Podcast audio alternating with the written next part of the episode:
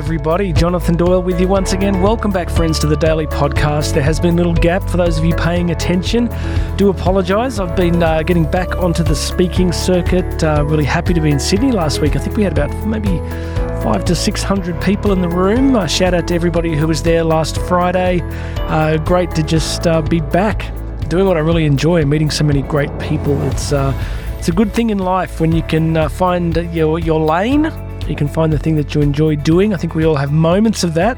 I think one of the real challenges in life is to try to uh, maximize them, to try and get more of them. And that's kind of part of what this podcast is about, I guess, sharing these kinds of insights and ideas that move us all a little bit forward. And on that topic, uh, but actually, before I jump into that, we should do our housekeeping, of course. Please make sure you've subscribed. Always makes a huge difference. I'd love it if you could do that for me. Uh, hit the subscribe button, and uh, there's a whole bunch of links here. There always is. There's links to get a free copy of my book. You can find out about coaching with me. You can find out about how to book me to speak. It's all there in the show notes. And uh, as always, the last thing, if you could share this with people, that would be a great blessing. Uh, it's just it's bizarre the number of people that are. Uh, that I meet who have been hearing this, and it's always like it's uh, it's it's it's slightly confronting because I'm always thinking, am I am I living up to this? Am I am I doing what I teach people? But then uh, then I kind of recollect myself and realize if I'm learning one thing on this journey, especially in the last couple of weeks when I asked you all for your all, all your questions and challenges that you're dealing with. You know, so many of us are just journeying and traveling through the same challenges and problems. And what you're going to be hearing in this probably next, I don't know, 10, 15 episodes is going to be the questions from you guys. I put out an email, some of you will remember, I put out an email just saying, hey, what are you dealing with? What's problematic? What's challenging? What sort of things would you like to get a little better at? And we're going to work through these over the next couple of weeks. But in general, it was a great reminder that uh, so many of us, uh, you know, are, are, dealing with the same challenges. So don't ever feel that. Uh, if life is challenging for you, that it's because you're getting something spectacularly wrong. It's challenging for you because life is challenging, and those challenges are trying to make us better.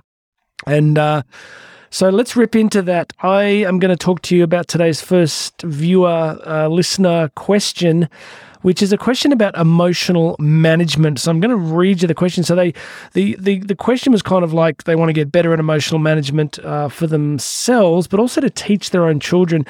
And because I do a fair bit of parenting stuff and and speaking on the topic of parenting, you know the I guess the kind of bedrock principle of all parenting is modeling, right? We can never really expect our kids to do things that we're not sort of doing ourselves which is daunting, I guess, in some sense. But uh, you know, when we're talking about this issue of emotional management, how do we do it? What's uh, what are some of the things to? So let me read this to you. Um, this lady said to me when I asked her for some more clarification about um, managing her own emotions or the emotions of her kids. She said, Look, I'd say both, but I understand that the key to teaching my child to manage their emotions is to learn to do this better for myself. On a good day, when I've had enough sleep, food, and space, it's easier to feel optimistic and calmer. But when things don't go to plan and I'm struggling to get through the day myself, the overwhelm kicks in pretty quickly. I think we can all relate to that. She goes on to say, I'm finding this manifests itself as frustration and anger. I don't want to be a stressed, angry parent and spouse. I'd be interested to know what strategies you would recommend to use in the heat of the moment, but also how to start to develop a better mindset to tackle feeling overwhelmed in the first place. Can we not all, at some uh, level, relate to that question? You know, we're all at different times going to have moments where we face feelings of overwhelm, exhaustion, stress. Uh, this question came to me from a lady in Australia, but um, I actually got another email just this morning from a lady in Idaho dealing with almost the same thing. So that reinforces this principle that many of us are dealing with similar topics. So let me talk about it. What can we do? Look, I had a few initial reflections that I want to spin through let me try and frame this for everybody. What is this question really about? It's really about how we manage this complex, beautiful, perplexing aspect of what it means to be human, which is our emotional world, what psychologists refer to as epiphenomena, um, that we experience these feeling states um, that are related, we usually think, to the environment around us and you know, how many times have we said something like, you made me do this, or this, you know, they cut me off in traffic, therefore I had to go home and eat uh, six boxes of cookies, six boxes of cookies, right? So it's very easy to feel that it's our environment that's creating these sorts of experiences. But is that all that's happening? Well, in humility, I don't have a complete answer, but I've got a few things that uh, that I do want to share. Look, the first thing I wanted to talk about was what are the factors that are feeding into our experience, I guess, of both emotional management and the concept of mindset.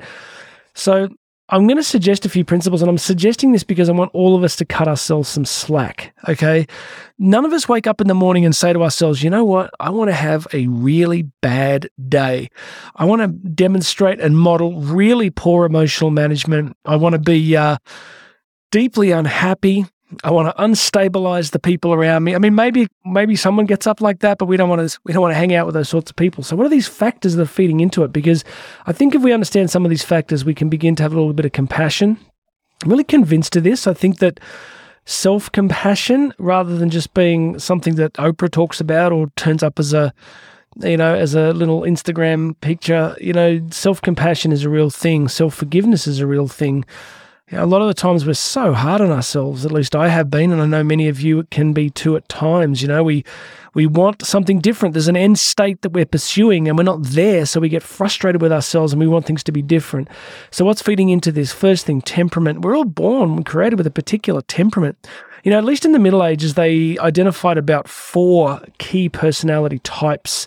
Uh, St. Thomas Aquinas writing in the 12th century was one of the first to kind of delineate some of those key personality traits. But it goes back earlier, earlier even in classical antiquity. They were you know uh, you know you look at Thales you look at the early platonic schools they were very much aware of different kinds of forces shaping people's character and behavior. You know the greeks would say there's a lot you could do about it but they were already pointing to the fact that uh, that people were a certain way so, one of the first things to understand is personality type. At least the experts say this, and don't take this as upsetting or depressing, but personality type doesn't tend to shift massively over the life course. Uh, I think there's a great deal you can do. I'm actually working a lot on myself at the moment because you know there's aspects of my own personality that I wish were different. You know, you meet some people and they're just so charming and just so, you know, interesting and relaxed. And you go, oh my gosh, how good would it be to, to be like that? I look at Karen, my wife, who came from a really fantastic family, and she's just a great human. You know, people when they meet her, they um they absolutely adore her. You know, this is. She's got a personality where she just really cares about people. So I guess what I'm saying here is one of the first things that we really want to do is have a gentleness with ourselves because of temperament. Nobody gets to ride for free, even those people that seem so calm and relaxed. They have their moments, I'm sure, right? So we've got temperament flowing into our experience of day to day life. Second thing is physiology, and I want us all to be aware of this. Physiology for me would ex- would be the the sum total of how of our feeling state, our physiological feeling state at any given time, the amount of sleep we've had, our levels of hydration, diet and exercise, all those sorts of things. I've got a pretty good radar on fatigue. Uh, I'm training for this 255 kilometer race at the moment. I've probably never trained harder in my life. Uh, I'm supposed to be cutting up to be lighter on the bike, but I've been hitting the weights really hard, so I'm like, it's just not a great, not a great idea. But I love the gym, so I get in there and just just do it. And so fatigue is a thing. So our physiology is going to affect our emotional management. So, look, in terms of strategies, we want to get across that one as best we can. So, physiology means really doing whatever you can reasonably do to be in the best state you can reasonably be in as often as you can reasonably be in it. So, you know, the other day, speaking in Sydney, I got back to the hotel like 11, got to sleep about 1 a.m., woke up at sort of 4 or 5 and so coming back home, I was a bit weary. You know, there's certain times when we, we have the best intentions, but life gets in the way. But I want all of us to be thinking about this stuff, right? Am I eating right? Am I trying to get some sleep? You know, a lot of people seem to have really terrible habits around their nighttime routines. I have this bizarrely strict kind of nighttime routine around the use of technology and all sorts of stuff that I keep trying to make sure that I'm doing everything I can reasonably do to be in the best state I can reasonably be. You know that feeling you have when you you know, you're really hungry and you go through a Macca's drive through and then you spend the rest of the day going, What was I thinking? What was I thinking? and then, you know, you don't feel great. And then because you don't feel great, you respond to things in a particular way. So, what have we got? What have we got coming into emotional management, self regulation? Uh, and mindset. We've got temperament, we've got physiology. Then we've got what's going on in the environment itself. You know, in the last few weeks, I've had quite a few people who have you know given me questions, to, which which we'll talk about the next few episodes around toxic environments, difficult people. So the next thing that's going to trigger our aspects of our mindset and emotional management will be the environment itself.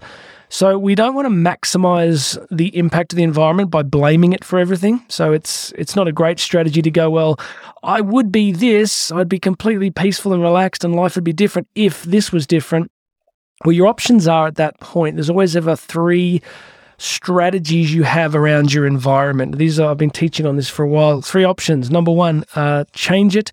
Number two, leave it. Number three, accept it. So the environment that surrounds you, like so for this lady here dealing with, you know, just her own fatigue and, and being overwhelmed at times, the environment is going to at times trigger that most likely but you can't leave that environment. You're a parent. You just don't get to go, you know what? I'm done. I've had enough. I'm out. I'm checking out. So we don't get to leave that. We can either accept some things. I think that's often overlooked. Sometimes we can accept, you know, this is where I am right now. I'm, you know, for example, it's I'm in this season of parenting. I've got to give myself to this season of parenting because it's where I am. It's what I have to do. So we give ourselves to that season. We have to accept it. And then, of course, there's this option to change it. So we want to look at things in our environment people, relationships? Are we putting up with things we shouldn't put up with? Can we, what can we do to change our environment? So if I'm coaching people, I'll often be looking at this going, okay, let's talk about this. What, what is within your power to change? What can you, what can you communicate to the people in this environment? What could you say to them, you know, that would help them understand that uh, you need things to be a little bit different? So we've got temperament, we've got physiology, we've got the environment itself, which we can accept, we can leave, or we can change. And then, secondly, or sort of related to the environment question, is our beliefs about what is happening. You see, there's the environment itself, and then there's our beliefs about what the environment means. You know, Tony Robbins would always say that there, you know, nothing in life has any meaning except the meaning that you give it. That has some very deep philosophical roots, and we don't necessarily have to agree with it because if you take that statement that nothing in life has any meaning except the meaning that you give to it, that would put you in the territory of believing that that all of reality and experience is constructed by our perception of it. So there's no objective reality, right? So you can see how that gets problematic if you take it all away. I think what he is pointing us towards is something useful, which is you know, life is happening all the time. Circumstances are happening all the time but we do have enormous power about ascribing meaning to it. So, when I spoke recently, I had a, a, group of about 500 parents I spoke to recently, and I talked about when they're dealing with their really difficult child or they're dealing with a really difficult circumstance, then you have to remember that in that in that strain and striving and struggle and difficulty, a couple of other things are happening. We're actually growing. We're actually being invited. There's a simultaneous invitation to growth, to becoming better people, to becoming more compassionate, more kind. Uh, now, I get that it's not easy. So whether you so if you're not parenting, you can apply this to just about anything, any difficult circumstance in your life, any adversity in your life. Can you reframe? Can you go? This is not what I desire. This is not pleasant. But what else could be happening here? What else could be the meaning here? Right. So this these are the kind of inputs that shape mindset. Mindset is something you have to practice. I really believe that. I, I have to work so hard at this. If you ever meet me in person, I'll tell you some of the things I have to do on a daily basis to try and keep myself on a path of growth and development. I was listening to Joe Rogan this morning and he he talked about this process he has where he, he sort of talks about all his old beliefs and he says there's like a folder on his desk, and in that folder is what he calls old BS that he used to believe or the BS that he used to think, the negative mindsets and beliefs and things that he thought about himself and the world. And he said it's like a folder there, but he just refuses to ever open it again. And I'm saying this because mindset, which is the last part of the question here, how do you develop a better mindset to tackle feeling overwhelmed in the first place? Look, here would be my summary you want to do the practical stuff first. All right. So we don't want to massively empower our environment and say, well, everything's being driven by my environment. Everything's just, you know, it's the worst thing and I can't do anything about it.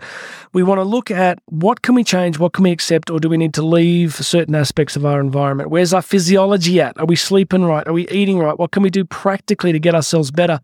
So, you know, look, for me, uh, you know, training and eating right and trying to keep on top of all these things does help me to be in a more balanced, regulated state as often as possible. So we want to do those practical things and uh, and just start right. Like if you're listening to me, go, oh well, you don't know what my environment's like. I go, you know what? But you can do something. You can you can go to bed ten minutes earlier tonight. You can eat something slightly better today. You know, I use a website, cost me, I think, like $15 a month called RMR, Real Meal Revolution, which I use because of the training component that I do. I need to eat a particular way.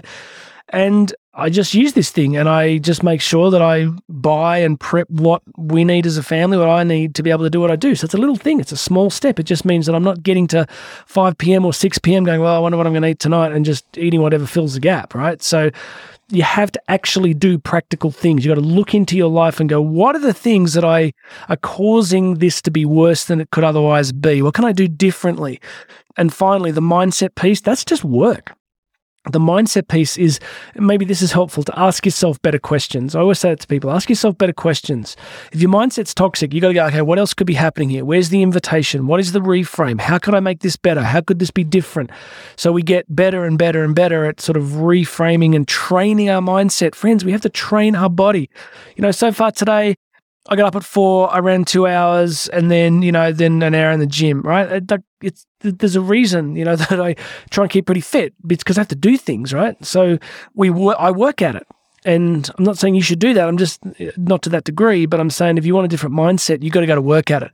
You got to start to write things down. You got to start to journal. You got to start to reframe the realities that you're facing. Or what else could this mean, friends? All I can tell you is is that there's a reason why some people live really amazing lives and and sometimes some of us can end up just trapped in cycles of dysfunction and craziness because you've got to start to look at it look at the pieces that are driving it and say which ones can I change? All right this is the part of the podcast where I finish otherwise I just keep repeating myself and I just had an espresso before I came into the studio so uh, once that bad boy kicks in I could go for ages. All right please make sure you've subscribed because the next few weeks are going to be great. We're going to have a lot of these conversations with some, um, you know, some great questions from people. Uh, make sure you go and check out the YouTube channel. There'll be a link here. I'm doing short videos on this, and uh, if you want to book me to coach, do some coaching with me um, for business or personal stuff. If you want to book me to speak, it's all in there.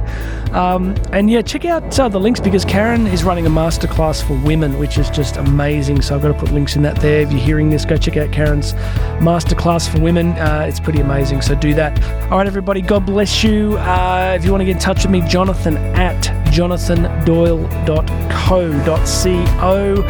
God bless you, everybody. This has been the Daily Podcast, and I'm going to have another message for you tomorrow.